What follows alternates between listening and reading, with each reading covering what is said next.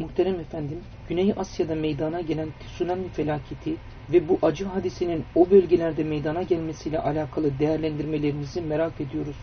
Ayrıca günümüzde o tsunami'den daha büyük bir felaket olduğunu ifade etmiştiniz. İnsanların çoğunun farkına varamadığı bu büyük felaket nedir?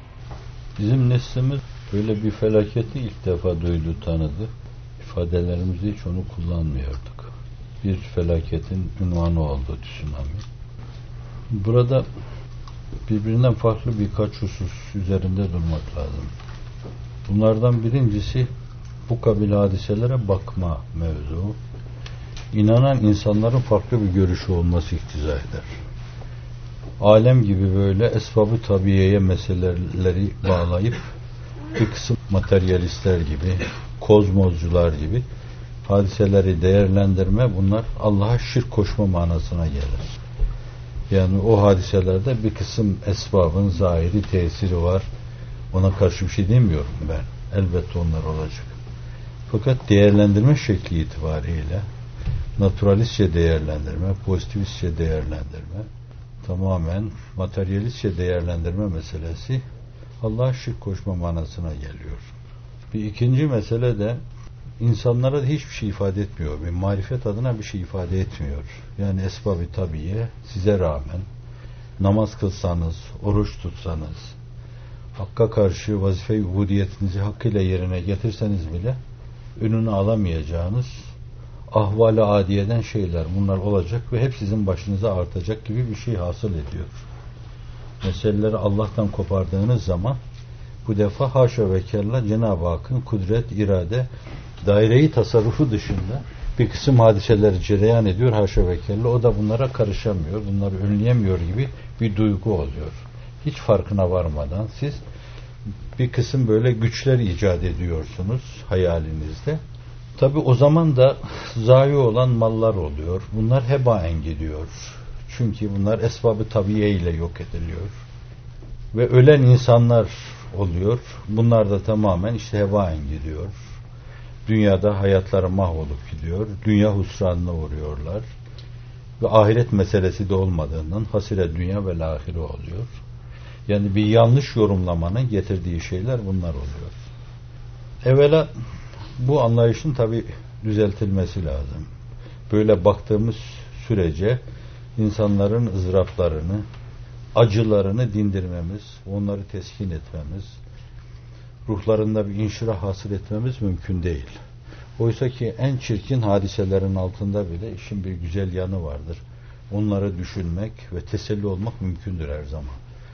İnsanların teselli olabilecekleri bir kısım yorumlar varken niye teselli olamayacağı şeyleri sürekli medya ağzıyla, televizyon ağzıyla, gazete ağzıyla ortaya sürerek bu insanların bir yönüyle yaralarını kaşıyoruz. Yani ızdıraplarını adeta artırıyoruz. Ve hiçbir faydası olmuyor. Bu tsunami'de de o oldu maalesef. Medyada meseleyi öyle sundu. İnsanlar da meseleyi öyle yorumladılar. Faydasız bir şey oldu. Ve aynı zamanda Cenab-ı Hakk'a da şirk koşuldu. İkincisi bizim akidemizce Cenab-ı Hak esbab-ı tabiyeyi icraat sübhaniyesine perde yapar. İzzet ve azameti ölü olduğunu iktiza ediyor. Başkaları bunu belki müfem ifade etmişler ama Bediüzzaman'da değişik yerlerde gayet net olarak ortaya konuyor. Diyor ki izzet ve azamet ister ki esbab perdedarı desti kudret ol aklın nazarında. Tevhid ve celalin de esbabın tesirden elini çekmelerini iktiza ettiğini, ellerini çekmelerini iktiza ettiğini ifade ediyor orada. Demek ki her şey Allah'a irca edildiğinde hiçbir şeyde tesir hakkı yok demek lazım. Ama bir diğer taraftan da Cenab-ı Hak nasıl yemede, içmede, beslenmede bizim elimizi, ayağımızı, gözümüzü, kulağımızı, dilimizi, tutağımızı birer sebep olarak kullanıyor. Bunlar perdedir. Biz efval ihtiyar dediğimiz şeylerin bile binde birine ancak zahir esbab açısından ancak müessiriyetimiz görülüyor. Diğerlerine müessir olmadığımız açık yani.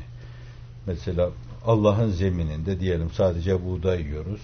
Allah'ın önceden yarattığı buğdayı Allah'ın bize ilham etmesiyle ekiyoruz. Allah'ın suyuyla suluyoruz. Allah'ın verdiği topraktaki kuvve-i imbatiye ile o büyüyor. Allah'ın havasından hava alıyor. Allah'ın güneşinden güneşleniyor. Allah'ın bize verdiği akıl, mantık, muhakeme ile o meseleyi değirmende öğütüyoruz. Allah'ın verdiği mantıkla falan. Allah'ın, Allah'ın, Allah'ın.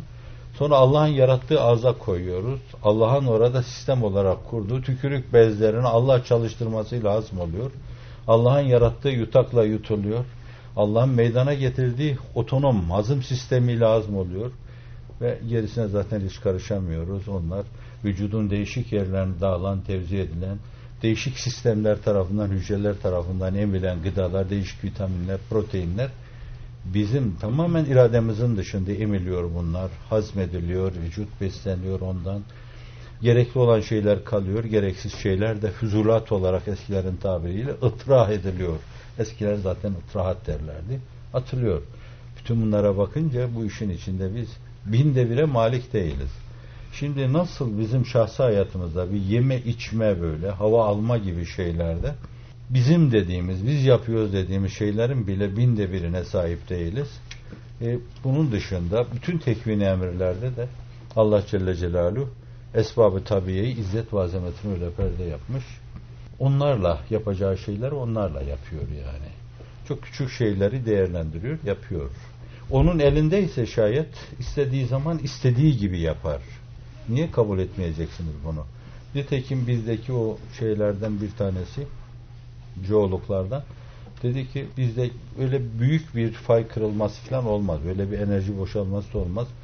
Çünkü bir sene içinde şu kadar yüz zelzele oldu diyor. Yani bu demek ki parça parça kırıldı. Bu şiddeti azaldı bunun demektir. Böyle parçalara bölünerek Allah Celle Celaluhu öyle yaptığından icraat Osmaniyesini öyle ortaya koyduğundan dolayı öyle büyük bir kırılma olmayacak. Öyle büyük bir enerji boşalması olmayacak. Öyle büyük bir enil merkez çıkış olmayacak. Öyle büyük bir ilel merkez şeklinde olmayacak. Bir vakumda olmayacak. Şimdi bu böyle olunca Allah her zaman böyle yapabilir. Bunları icraatı sübhaniyesine birer vasıta olarak kullanıyorsa yine öyle kullanabilir bu meseleleri. Şimdi müminlerin esbabı tabiiye bakışlarını belirlemeleri lazım burada. O zaman bizim dualarımızın bir manası olur, bir anlamı olur yani. Ne diye siz altından kalkamayacağınız şeylere eğer bunların önü alınmıyorsa dua edeceksiniz, el açıp yalvaracaksınız. Niye belaları defet diyeceksiniz? Hep dememiş miyiz bunları? Emmen yücibul muddarra izâ dâhu çaresiz eli kolu bağlı, elinde ayağında zincir. İnsanın duasını kabul eden kimdir diyor Kur'an-ı Kerim. Tevhide halis bir delildir o. Allah'ın varlığına halis bir delildir. Üzerinde duranlar duruyorlar o zaviyede. Bu açıdan her şeyin anlam kazanması biraz bu mantığa bağlıdır yani. Sizin ibadetinizin, içinizi dökmenizin, el açıp Allah'a yalvarmanızın, belalar karşısında bizi siyanet buyur demenizin anlam kazanması böyle bir mantığa bağlıdır. Böyle bir muhakemeye bağlıdır. Her şeyi buna bağlamazsanız şayet çok davranışlarınız anlamsız hale gelir. Anlamsız abes yere iş yapıyorsunuz. Abes yere namaz kılıyorsunuz. Abes yere el kaldırıyor, dua ediyorsunuz. Abes yere olmazları Allah'tan istiyorsunuz. Ebediyet istiyorsunuz. Başka bir alem istiyorsunuz. Haşa ve kella. Allah Celle Celaluhu fayı durduramayacaksa, kırılan fayın kudreti sübhanesiyle önüne geçemeyecekse arzı nasıl ortadan kaldıracak? Nasıl onu tebdil edecek?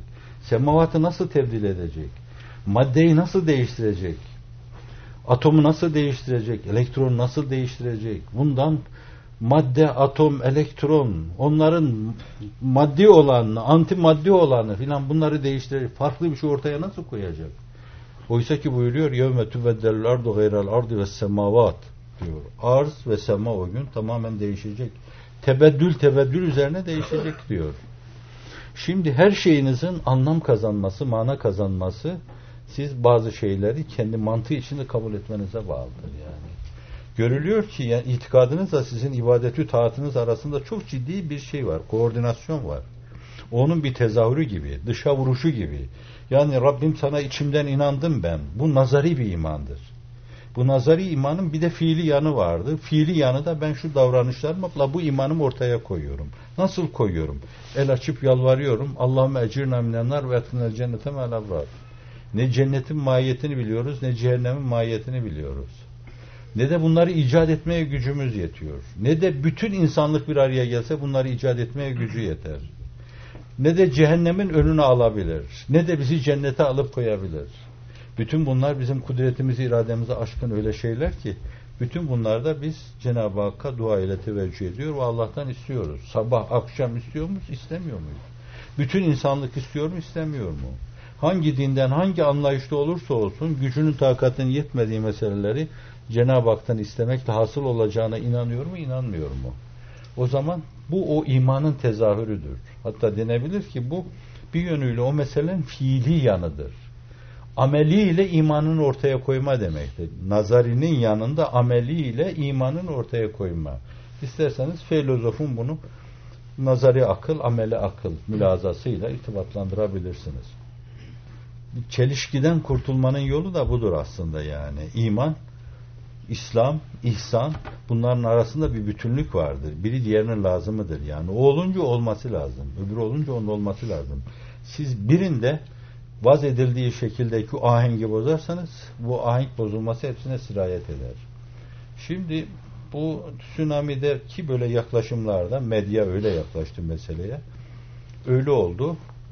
Burada böyle itikadımıza dokunan şeyler oldu. Genel ahengi bozdu. Haşa ve kella sanki Allah'ın gücünün yetmeyeceği bazı şeyler var gibi öyle bir üslup kullandık orada.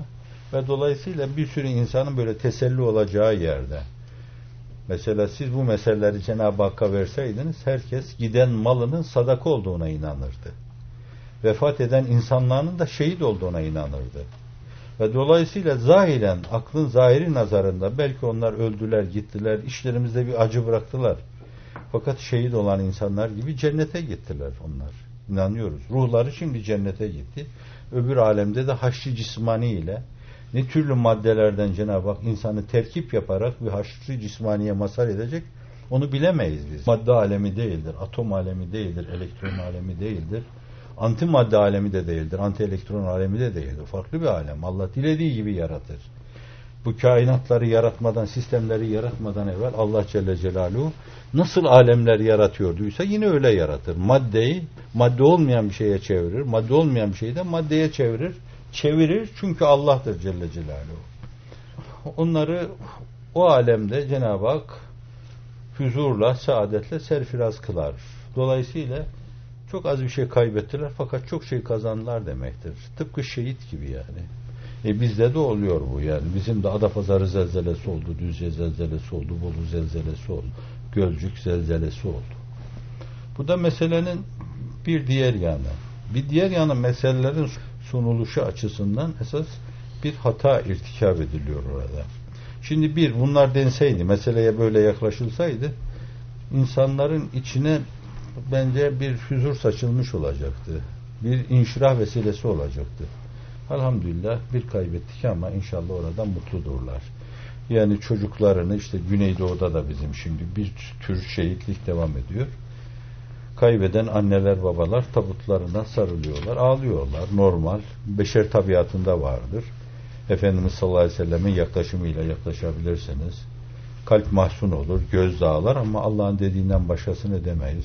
Elhamdülillah kendimizi bahtiyar sayıyoruz. Çünkü oğlumuzu vatan uğrunda şehit verdik. Şimdi aynen bu insanlar da tabutlara sarılır, cenazelere sarılır kendilerini öldürürcesine çığlık atmazlar, ağıt kesmezler. Belki derler ki Allah hamdolsun Murad-ı Sübhanesi bu kadarmış. Bugüne kadar beraberdi. Şimdi aldı orada. Nezdü üluhiyetini aldı. Daha iyi görüp gözetiyordur. Hatırlayın yani ahirete imanın anne babanın içine serptiği inşirahı ifade ederken benim çocuğum öldü gitti belki orada ama daha mutludur, daha mesuttur. Bana emanet çocuk taziyesi bahsediyor. Bana emanet olarak vermişti. Murad-ı Sübhanesi bu kadarmış. Şimdi emanetini aldı. Daha iyi bir yerde. Daha mutludur o filan. Dedirtme varken yani niye onların yaralarına tuz serpecek, acılarını artıracaksınız? Bir diğer yanı unutulan bir şey. Bir arkadaşımın o, o mevzuda bir mütalası oldu. Bir yerdeki zelzele. Yani günah işliyoruz ondan oluyor. Nerede böyle temerküz etmiş, tahaşşüd etmiş günahkarlar ve günahlar varsa arz omuzunu silkiyor. Bu pisliklerden bıktım usandım diyor. Yani şimdi deniyor ki o Güney Asya'da oralar böyle bilhassa Endonezya'da olan yerler Müslüman şeylerdi, sahillerdi. Şeytanın seccadesini serdiği zeminlerde böyle günahsız olabile günahsız bir atmosferin olabileceğini düşünmek doğru değil kanaat haizanemce. Yani dünya çok kirlendi. Mülazalar, mütalalar çok değişti. İnsanlar dünyanın nimetlerinden istifade etmeliler. Fakat meşru dairede nimetlerden istifade etme insana yeter ve artar. Gayrimeşru dairede insanların bir bohemliğe saplanmaları Allah bunu teciz etmez. Ve ulu orta bu işte gidilirse hiç hesabı yapılmadan o meselenin hesabını Allah görür. İmhal eder, eder, eder. Efendimiz sallallahu aleyhi ve sellem bir hadis-i şerif münasebetiyle hani bir ayete de gönderme yaparak buyuruyor ki le yumli zalim fe iza akadehu lem yuflithu. Allah zalime mehil üstüne mehil verir. Kendine gelsin. Ahirette mazeret serdetmesin. Ama bir kere de derdest etti mi iflahını keser onu diyor. Sonra da sahabe diyor ki şu ayeti okudu Kur'an'dan ve kezalike ahzu rabbike iza akadel kura ve hiye zalime. Allah halkı zalim olan kariyeleri, beldeleri, şehirleri, mıntıkaları, coğrafyaları günahlarından dolayı derdest ettiği zaman işte böyle mahveder, tedmir eder. Şimdi bir yerde açıktan açığa günah işleniyorsa, bu hemlik yapılıyorsa, fuhuş irtikap ediliyorsa, televizyonlar buna teşvik ediyorsa, radyolar buna teşvik ediyorsa, gazeteler boy boy böyle şehvet dellallığı yapıyorlarsa şayet, burada günah işleniyor o yerin Allah nezdinde kıymet harbiyesi kalmamış demektir. Bir gün bütün küreyi arz bu türlü bir melanet küresi haline geldiği zaman Allah onun başına da kıyamet adıyla bir felaketi sardırır ve sonra onu kaldırır başka bir yere koyar yani. Bütün küreyi arzı da yıkar. Nasıl bir dönemde Hazreti Nuh tufanıyla neredeyse küre arzın bütünü, belki de bütünü Belki de bütünü sular altında kaldı. Ancak belki yüksek zirveler çıkanlar belki kurtuldu. Belki de sadece Hazreti Nuh'un gemisine sığınanlar kurtuldu. Bu mevzuda farklı mütealalar olduğu için ben belki de belki de diyorum yani. Evet bunun gibi Allah Celle Celaluhu yine onun o münasebetle dediği gibi bir gün küre arz bu kadar kirlenirse Cenab-ı Hak da yüzünü temizliyor gibi şu arzın temizler hepsini. Ehli cehenneme haydi cehenneme der. Ehli cennete yürüyün cennete der. Temizler. Şimdi esas günahlara terettüp eden bir ceza olarak meseleye hiç yaklaşılmıyor. En dindar spikerlerin bile konuşmalarına bakıyorsunuz. En böyle inanmış kalemşörlerin kalemlerine bakıyorsunuz. O kalemlerden dökülen şimdi kalemde yok ya ne diyelim tuşlarına bakıyorsunuz onlarla daktilolarda veya işte internetlerde, bilgisayarlarda döktürdükleri ifadelere bakıyorsunuz. Hepsi tamamen böyle naturalist mülazalara göre dizilmiş gibi bir şey var. Hiç kimse günaha terettüp etmiş bir ceza olarak bakmıyor meseleye. Ve bir arkadaşımız bu mevzuda bazılar günah işliyor dedi. Mahkum oldu sonra o. Oysa ki o sözü İzmir ve Erzincan zelzelesi münasebetiyle 39'da 1939'da Üstad Bediüzzaman da söylemiş. Binlercesi de söylüyor onu. Hazreti Gazali'ye baksanız, İmam Rabbani'ye baksanız felaket ve musibetlerin arkasında tetikleyici faktör olarak günahları görürsünüz. Allah Celle Celal öyle buyuruyor. Kavmi zalim olanları helak eder diyor. Ve ma zalemahumullah ve lakin yazdım. Kaç tane var böyle? Allah onlara zulmetmedi. Onlar kendi kendilerine zulmettiler insanlar yeryüzünde başlayan maymun oldularsa kendilerine zulmettiğinden dolayı oldular. Hinzir oldularsa kendilerine zulmettiklerinden dolayı oldular. Arzların altı üstüne geldiyse kendilerine nefislerine zulmettiğinden dolayı oldular. Bir de meselenin işte görülmeyen yanlarından bir tanesi buydu. Ve aslında bu çok önemliydi. Biz görmesek de Hazreti Nakit bunu görüyor. Allah Celle Celaluhu biliyor bunları. Keşke görülseydi. E, görülmedi ne oldu? Görülmediğinden dolayı kimse bizim başımıza da gelir diye tövbe istiğfar etmiyor. Sanki o ayrı bir şeymiş, bizim günahlarımız ayrı bir şeymiş. O günahlar cehenneme sebebiyet veriyor da insanların ebedi orada kalmalarına veya belli bir süre, uzun süre orada kalmalarına sebebiyet veriyor da dünyada böyle 3-5 günlük muhakkak cezaya sebebiyet vermiyormuş gibi bakılıyor meseleye. Görüyor musunuz çelişkinin vüzuhunu diyelim. Apaçıktır yani bu. Bu korkunç bir tenaküzdür. Siz o günahlara ebedi saadeti veya ebedi şakaveti bağlayacaksınız. Onlara bir sonucu olarak göreceksiniz de fakat işlediğiniz günahlar yanınıza kar kalacak. Sonra musibetlere maruz kalacaksınız. Onlarla onlar arasında da bir irtibat olmayacak. Ve dolayısıyla tabi bakın orada da irtibatı kopardığınız zaman siz esasen günahın insanı tövbeye, istiğfara, evbeye sevk etme kordonunu koparıyorsunuz. İkisi birbirinden koparıyor. Yine kendi hayatınız adına bir çelişkiyle karşı karşıya kalıyorsunuz.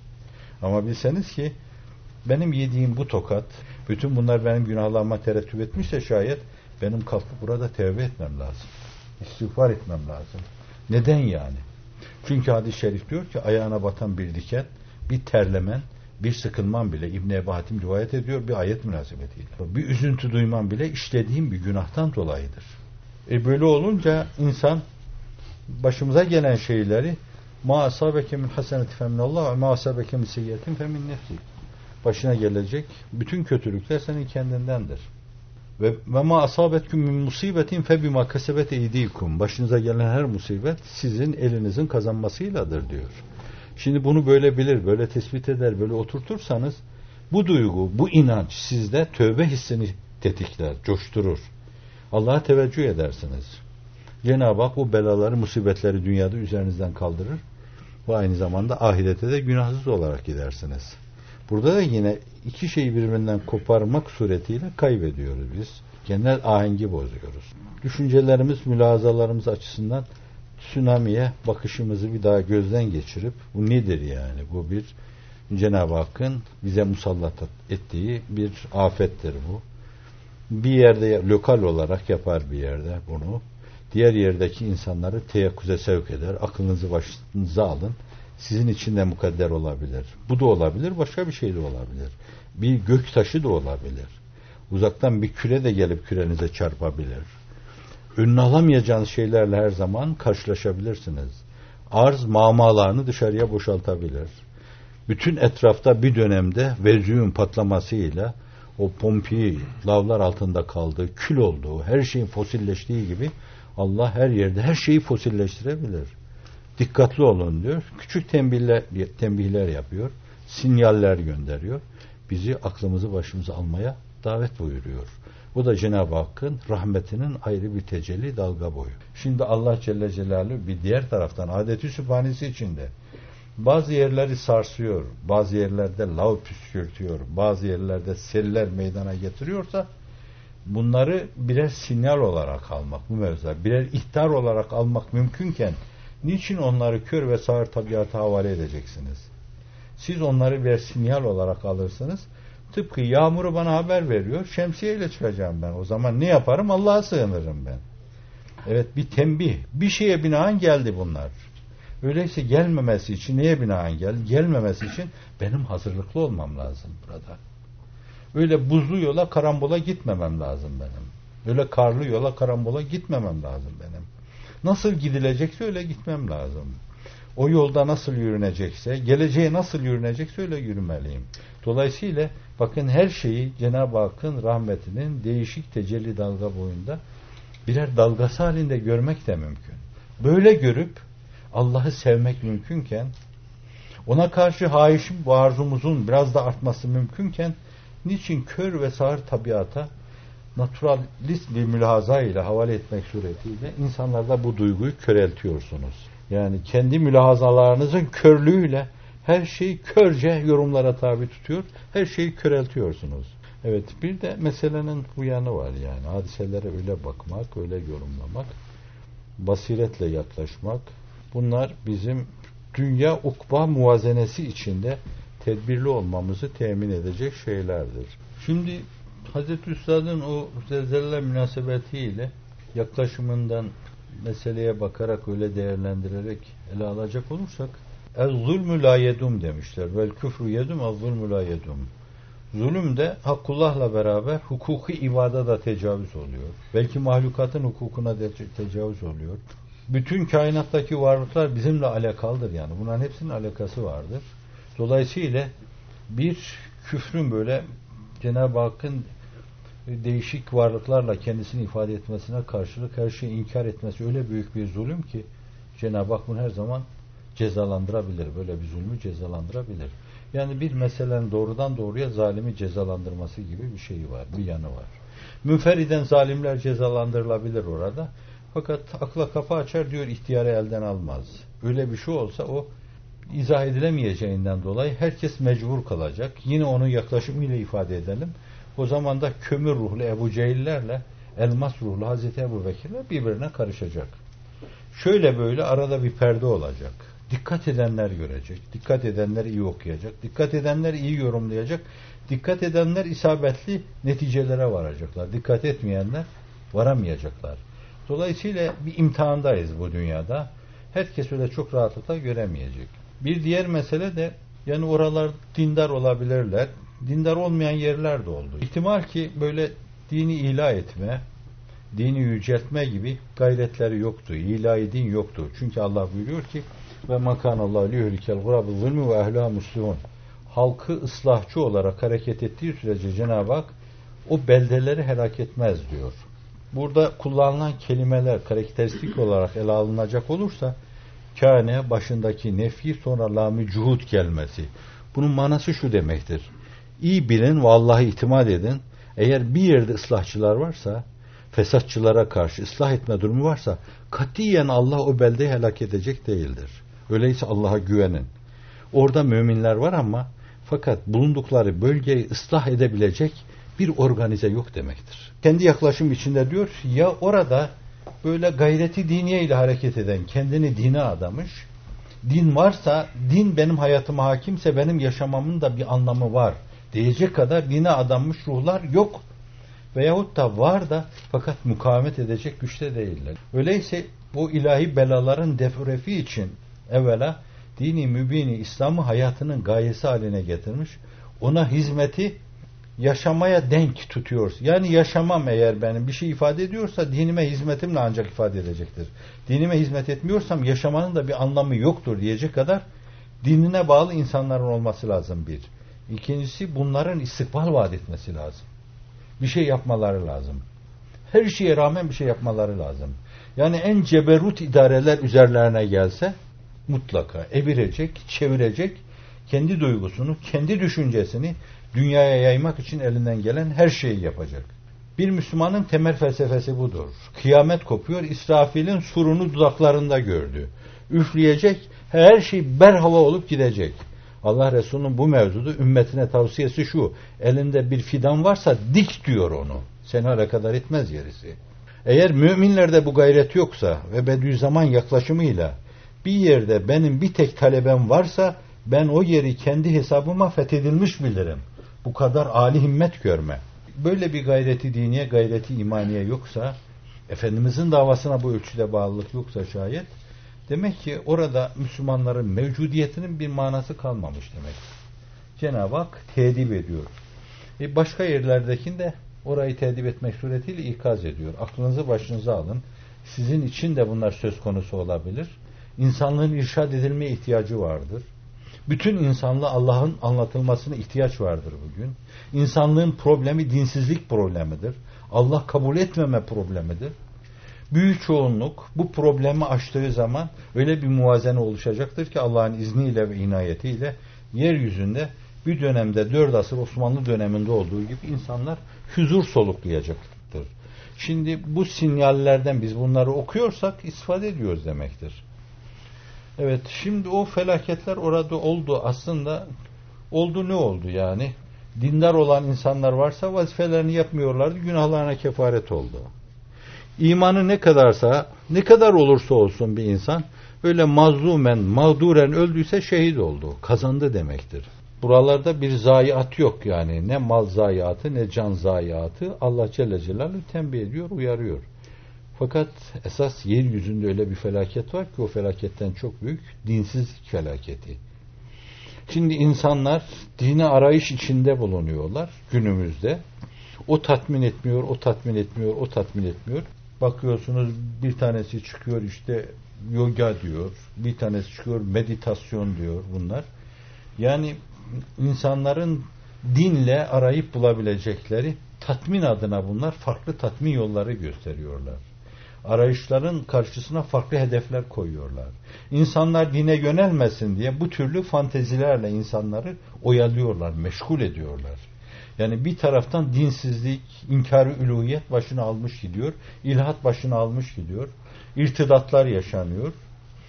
O fuhşiyattan, her türlü melanetten, bir kısım habaisin yaşanmasından satanizme kadar türlü türlü melanetler var. Bunlar yaşanıyor. Bir diğer taraftan azıcık böyle vicdanın sesini dinleyip dine dönmek isteyen insanlar da bu türlü şeylerle oyalanıyorlar, meşgul ediliyorlar. Bence küreyi arzın yarısı batsa yani denizin dibine gitse bugün küreyi arz üzerinde yaşanan felaketlerden daha büyük değildir. Her yerde korkunç küfür yaşanıyor.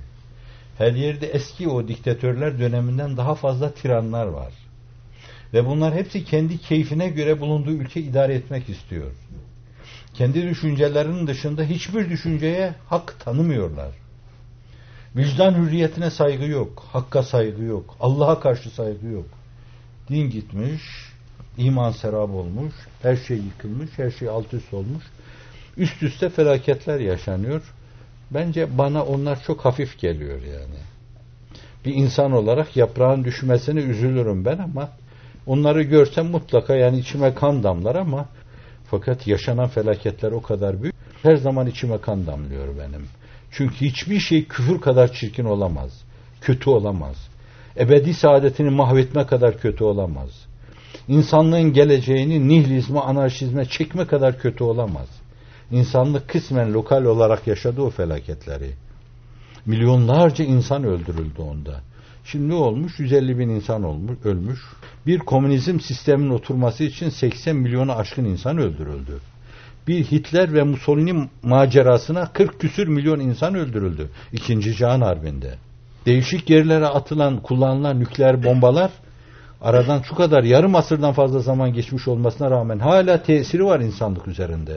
İnsanlar böyle canavarca ruhlar taşıması bence işte o Güney Asya'da yaşanan felaketin bin katı felakettir bu.